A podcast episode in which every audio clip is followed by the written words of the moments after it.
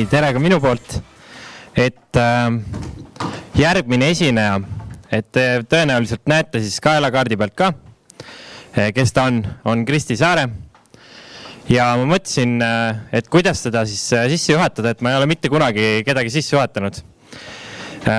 no esiteks saab öelda kindlasti, et ta on koolitaja, saab öelda, et ta on õpetaja saab öelda, et ta on tuleva kogukonna juht ja saab ka öelda, et äh, tal on oma blogi ja tal on äh, üks, ta on siis üks investeerimisraadio eestvedajatest.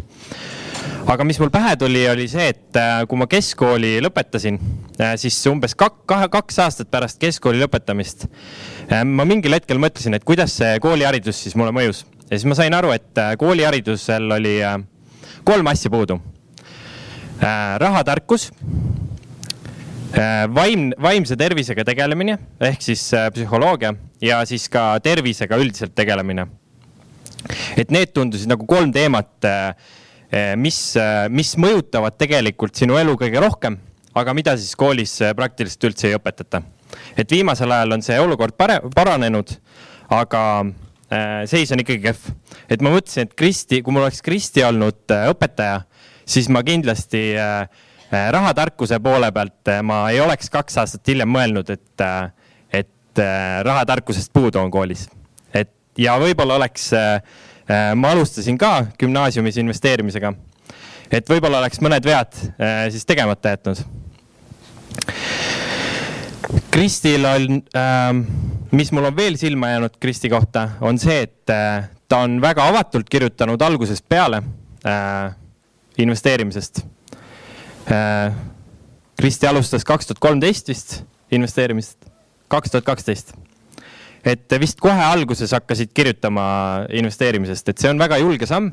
et kui äh, kogemust ei ole, et kohe hakata sellest kirjutama avatult. et äh, see on nagu selline enda paljaks kiskumine, et, et äh, nagu eeskujuks inimestele. et pole hullu midagi selles investeerimises. aga ma kutsukski Kristi Saare siis, räägib äh, oma õppetundidest investeerimises. teeme suure aplausi.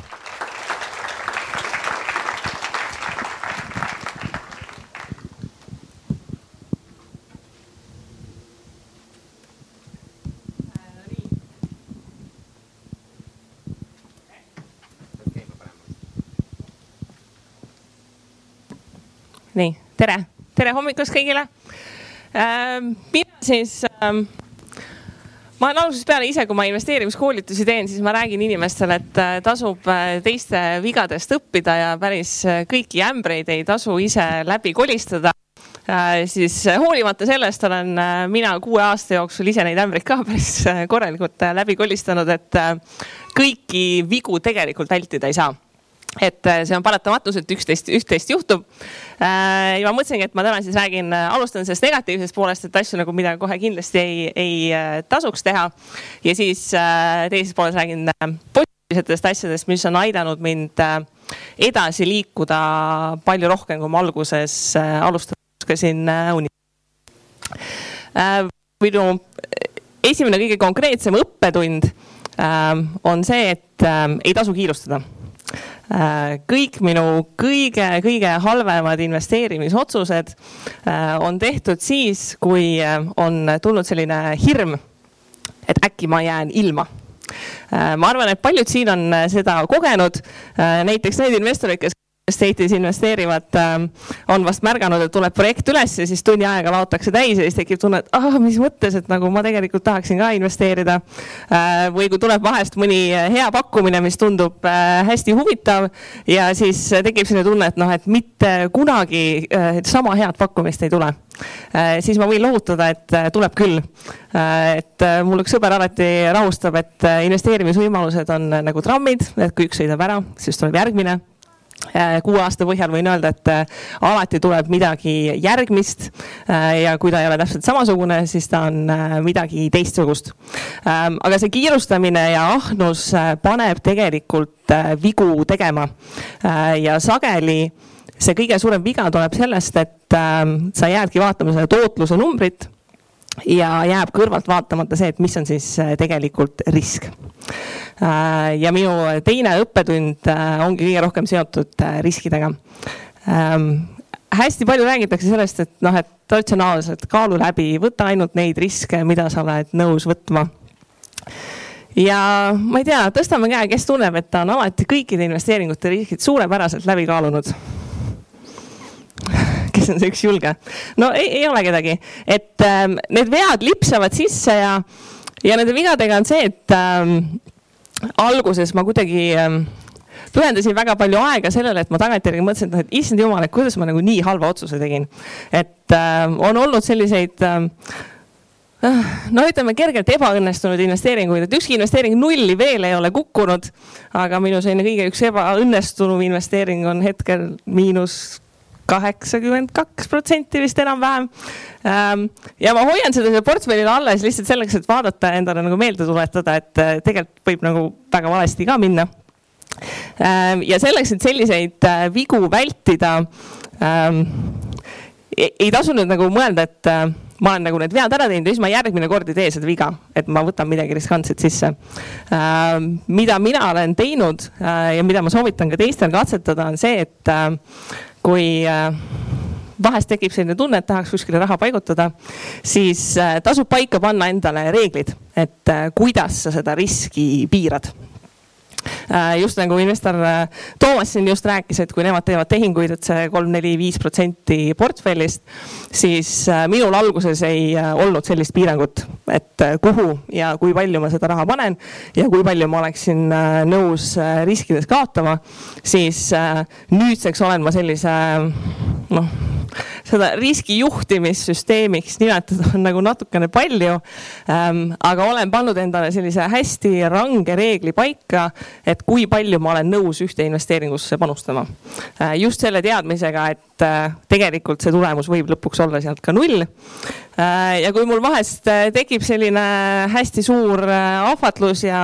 ja ilmajäämise tunne, et hästi põnev investeering, kuhu raha panna, siis ma seda reeglit ei riku oma portfellist ma rohkem raha sinna ei paiguta.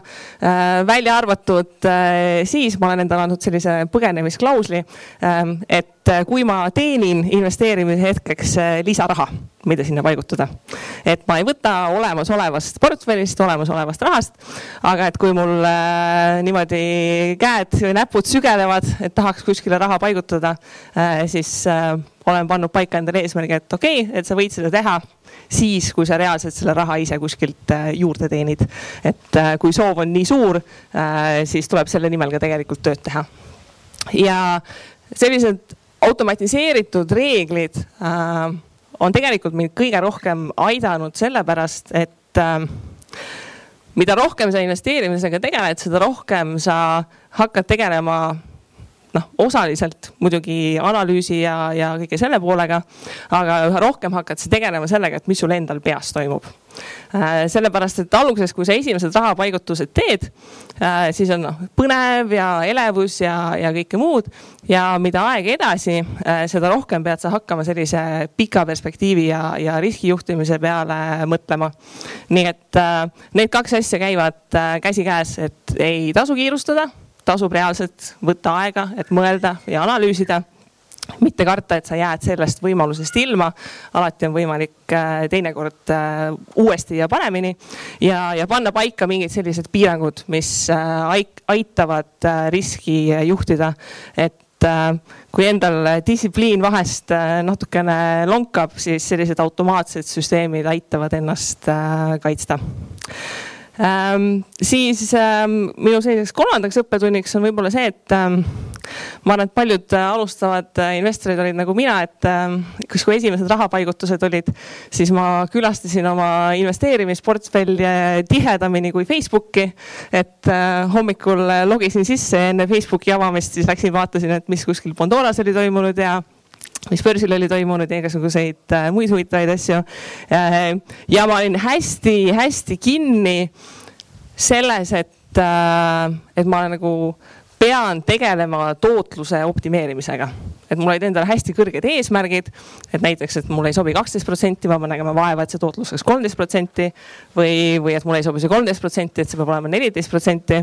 ja, ja mingi hetk käis mul see klõps peas ära, et, ähm, et kuigi tootlus on oluline sellepärast et noh, kui tootlust ei ole, pole mõtet investeerida ähm,, siis tegelikult äh, eriti kui su portfell on kasvufaasis siis kui sa just mingeid väga-väga ähm, turu keskmisest kõrgemaid tootluseid ei tee, siis see ajakulu äh,, mis läheb sinna, et optimeerida oma portfelli kasvu üks protsent siiapoole või teisele poole, sellel on palju-palju-palju väiksem mõju kui sellel, et sa portfelli reaalselt raha juurde paned selleks, et optimeerida oma tootlust, et sa aastas teeniksid investeeringutelt näiteks tuhat eurot äh, juurde. see nõuab üldiselt palju rohkem äh, aega, vaeva ja pingutust kui see, et äh, teha natukene rohkem tööd ja see tuhat eurot sinna portfelli juurde paigutada. et esimesed ma arvan julgelt kolm, neli, viis, kuus, seitse aastat Äh, see, mida sa suudad ise aktiivse tuluga teenida ja portfelli juurde paigutada, on märkimisväärselt äh, suurema mõjuga kui see, et sa võib-olla istud arvuti taga ja, ja optimeerid ja strateegiaid äh, välja mõtled et äh, eriti kui see portfell on väga väike, siis selle mõju on väga suur. aga ka sellel hetkel, kui su portfell äh, toob kuus äh, tuhat eurot sisse, siis ise aktiivse tööga see teine tuhat sinna juurde teenida on lihtsam, kui oma portfelli kuidagi optimeerida ja organiseerida, et see tootlust näiteks duubeldada.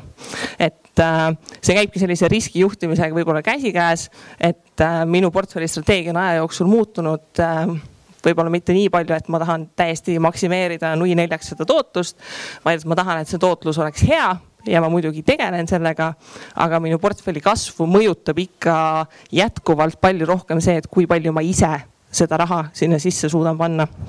Ja ähm, see on ka selline hea harjumus äh,, mida murda, et sa ei käi kogu aeg vaatamas mida su investeeringud teevad äh,. praegusel hetkel, kui turgudel on hea seis, siis on muidugi väga tore, kui sa iga hommikul logid sisse ja vaatad, et numbrid on rohelised ja tuju on hea ja öösel on kuskilt mingid äh, intressid laekunud.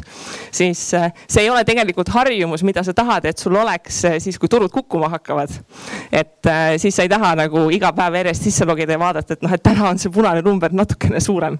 Ähm, et tasub kuidagi selline tasakaal leida selle vahel, et kui palju sa nende investeeringutega nikerdad ja kui palju sa tegeled sellega, et seda portfelli lihtsalt ise äh, rahasumma mõttes mõttes äh, kasvatada.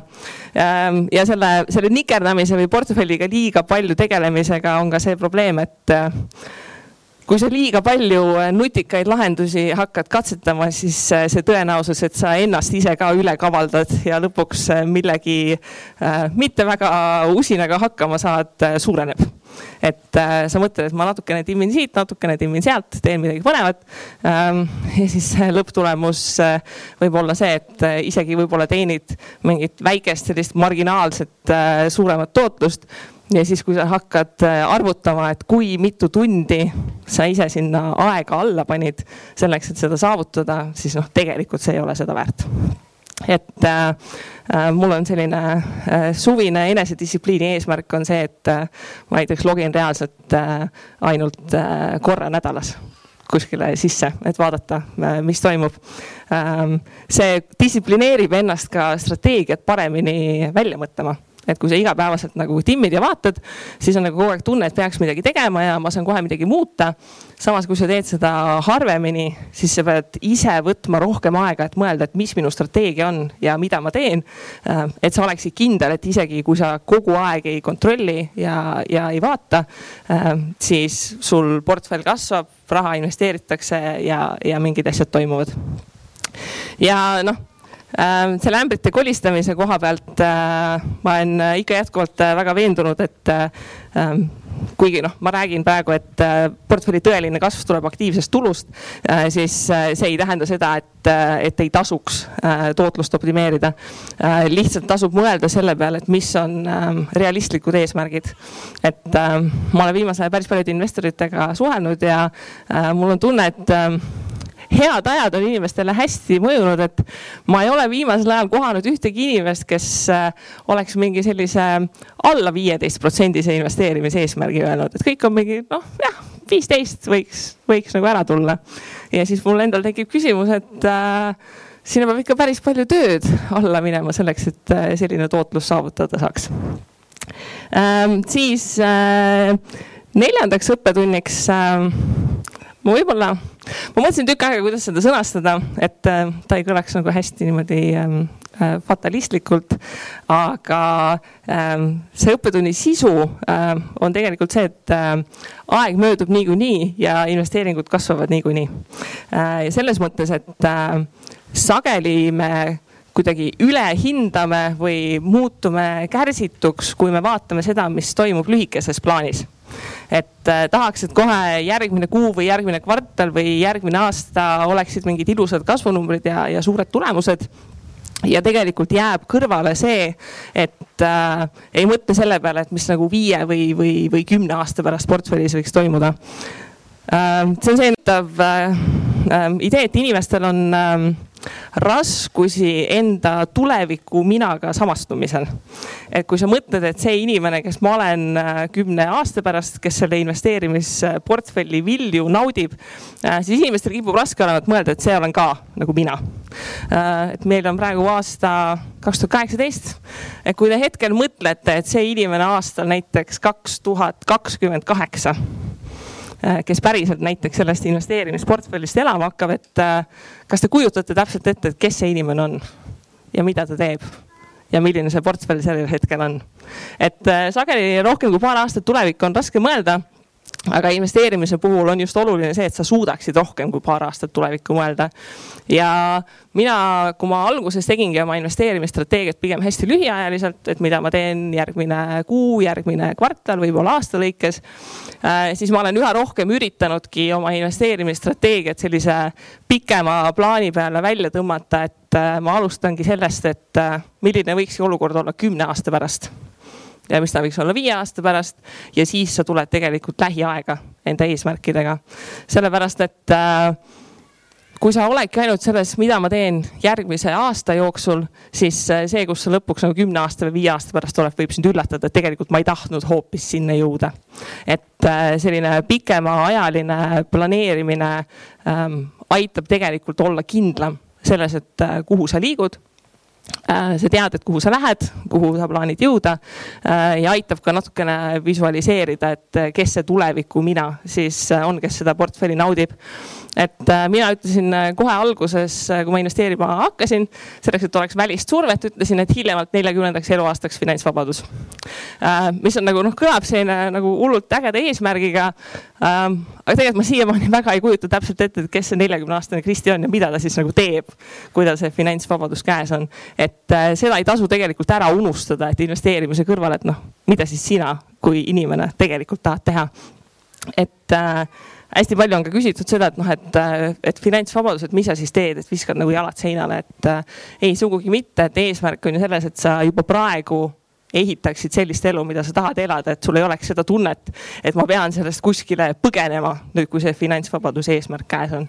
ja selleks ongi vaja natukene pikemaajaliselt tegelikult mõelda. ja oma viimase õppetunnina äh, ma sisu sõnastaksin võib-olla selle kõige-kõige suurema mõjuga ähm, õppetunni, mis on mind ähm, kõige rohkem edasi aidanud ja see ei ole olnud mitte ükski tehniline investeerimisoskus ega raamat ega, ega õppetund ähm,, vaid see on olnud äh, oma selliste inimeste ja oma tiimi äh, leidmine. et investeerimine, noh, kui mina alustasin, oli selline väga äh, üksildane tegevus. et äh, praegu, kui te kõik siin olete, siis võib tunduda, et kõik inimesed investeerivad. ei investeeri jätkuvalt. et sul on võimalik tulla ja rääkida inimestega, kes on huvitatud samasugustest asjadest. kui mina alustasin, siis oli selline no nagu päris imelik, et äh, kui sa tahtsid inimestega investeeringutest rääkida, siis äh, väga suur hulk vaatasid nagu sellise kahtlase pilguga, et no ei, ma ei tea, et need Rootsi pankurid võtavad selle raha ära ja, ja noh, et ükskord see majanduskriis ikka, ikka tuleb. Ja selline motivatsiooni kadu on niimoodi hästi lihtne tekkima. Äh, mina nägin aga kohe alguses vaeva just sellega, et leida neid teisi inimesi, kellel on sellised sarnased mõtted ja eesmärgid. et äh, nagu Mait siin tutvustades ütles, et äh, mina hakkasin kohe alguses äh, blogi kirjutama äh,. ja see blogi äh, noh, nagu kõik teavad, et kui sa internetis midagi küsid, siis keegi väga ei viitsi vastata. aga kui sa ise midagi postitad, siis kõik tulevad, ütlevad, et mis sul valesti on äh,. ja mina sain nagu hästi palju äh, tasuta investeerimisharidust, sellepärast et ma kirjutasin, et mis ma plaanin teha ja siis kõik inimesed ütlesid seda kõike valesti noh, selles suhtes ei tasu nagu alati kuulata seda, kui inimesed seda ütlevad. aga see, et sul on võimalik saada teisi arvamusi ja teisi mõtteid, on, on väga-väga väärtuslik. ja meie oleme oma sellises suhtlusringkonnas sellise no mitte just sellise ametliku mastermind grupi, aga, aga sellise seltskonna kokku koondanud, ehm, kellel on kõikidel natuke erinev taust, natuke erinevad teadmised. Ehm, just selleks, et kui tekib mingi selline projekt või idee või võimalus, et äh, kui sa üksinda oled, siis võib tekkida selline, et äh, põletav tung, et tahaks raha panna ja hullult põnev ja äkki ma jään ilma. aga kui sul on sellised investeerimissõbrad, äh, kellega asju arutada siis esiteks sa saad väga palju erinevaid perspektiive. teiseks võetakse võib-olla sellist esmast tegutsemistuhinat natukene maha. ja kolmandaks kõige suurem motivaator on äh, ikkagi see, et kui ka teised inimesed äh, jagavad oma, oma tulemusi ja, ja kuidas neil on läinud. et äh, me oleme üles ehitanud näiteks sellise süsteemi, et me annamegi regulaarselt aru, et kuidas portfellid kasvavad.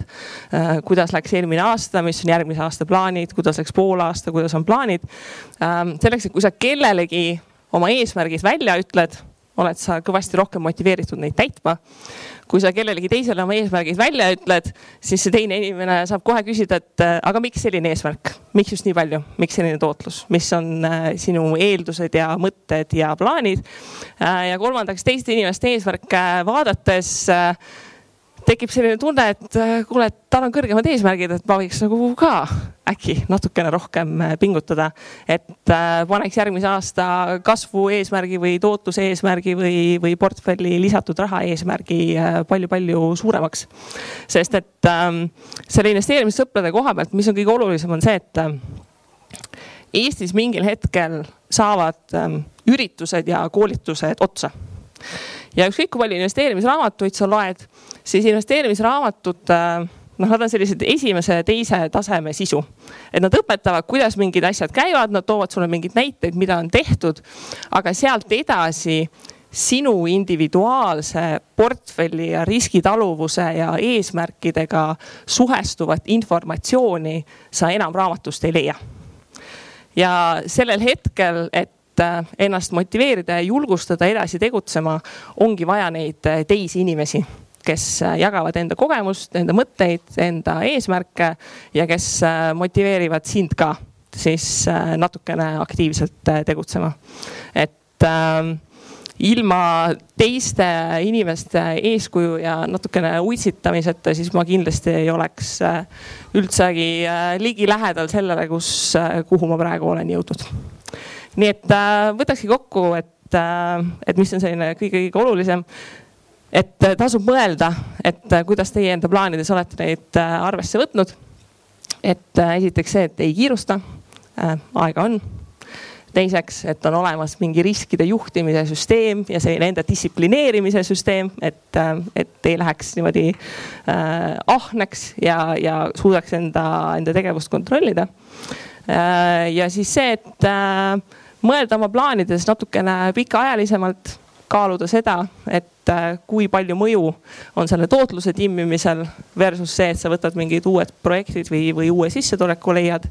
ja, ja ümbritseda ennast äh, selliste inimestega, kes sind motiveerivad ja kes on jõudnud juba sinna, kuhu sa soovid jõuda või kes on sinna samasuguse entusiasmiga teel. et see aitab ka endal kõvasti kiiremini äh, edasi jõuda. nii aga ma siinkohal võtaks otsad kokku ja kui on mõni küsimus, siis ka hea meelega vastan. aitäh Kristile ja teeme suure aplausi. ma ise kasutaks, ma ise kasutaks kohe võimalust, et, et kas sa oled nõus ütlema ka, et mis see miinus kaheksakümmend kaks protsenti oli siis see investeering, et äkki on hea ostukoht praegu Äh, see oli äh, selline emotsiooni investeering äh, ühte ähm, hoiu-laenuühistu omakapitali. et tundus selline hea äriidee ja, ja seda analüüsi seal taga oli suhteliselt vähe, oli lihtsalt selline entusiasm, et ähm, äkki on äge asi. noh, nagu ikka sellised startup tüüpi investeeringud kipuvad olema. kuidas sellist emotsiooni investeeringut ära tunda? Ähm, äh, emotsiooni investeeringu puhul ongi see, et iga investeeringu puhul sa peaksid suutma nagu paarile küsimusele vastata, et noh, et mis on sinu eesmärk, millist tootlust sa tahad, äh, mis hetkel sa oled selle investeeringuga rahul ja mis hetkel sa sellest investeeringust äh, tahaksid väljuda.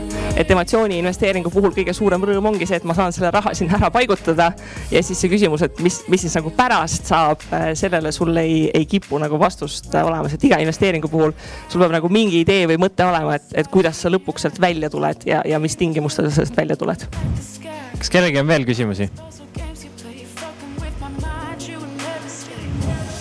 noh, kui keegi tahab midagi küsida, siis äh, või investeerimisraadiole saate soovitusi anda, siis olen täna terve päeva siin olemas, võib julgelt ligi astuda. aitäh, aga teeme siis äh, Kristile ühe aplausi veel.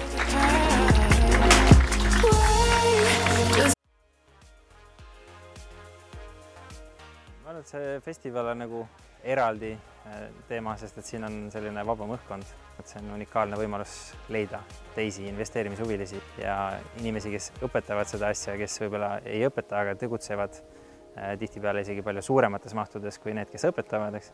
et see on nagu selline ainulaadne võimalus vabas keskkonnas leida Eesti tegijaid.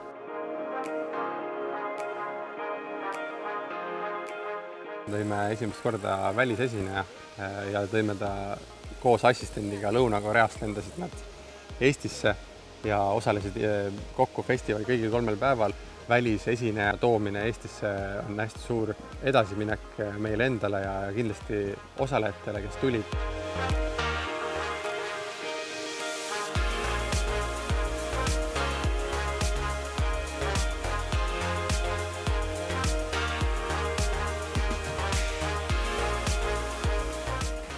Hästi palju mõtteid, mida sa tegelikult tead, aga mida on hästi hea meenutada. Ja mulle väga meeldis mõte sellest, et kuidas ikkagi tuleb hakata tegutsema selleks, et saada suurepäraseks, mitte olla suurepärane enne, kui sa julged tegutsema hakata.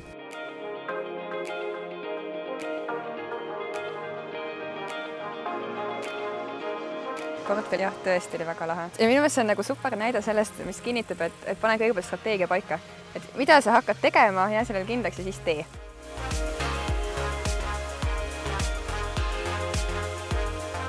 ja see on hästi oluline just selles mõttes, et eh, kui muidu on eh, kahel päeval on ainult esinemised, esimesel õhtul on lõkkõhtu, mis on ka hästi hubane, kuigi inimesed ikkagi peaasjalikult kuulavad, siis teisel päeval on veel kahel alal kokku kuskil kolmkümmend, nelikümmend esinemist, eh, hästi palju saadakse teadmisi, kogemusi, siis me tahtsime alati lõppu luua sellise sportlikuma osa ka, kasutame kõike seda siin kallastada loodust ära et inimesed saaksid seda ka nautida ja me ühendamegi siis teadmiste poole, küsime investeerimisalasi küsimusi, stimuleerima meeskonnatööd. nagu näed, et kes võtab juhtrolli, kes, kellel on mingid teadmised mm, -hmm. kellel on mingid oskused ja kuidas nagu keegi midagi teeb. see aasta meil oli veel börs ka, kus inimesed läksid päris nagu vanasti kauplema lipikutega, et äh, sellist asja teha inimestel puhas emotsioon ja puhas äh, mõnu.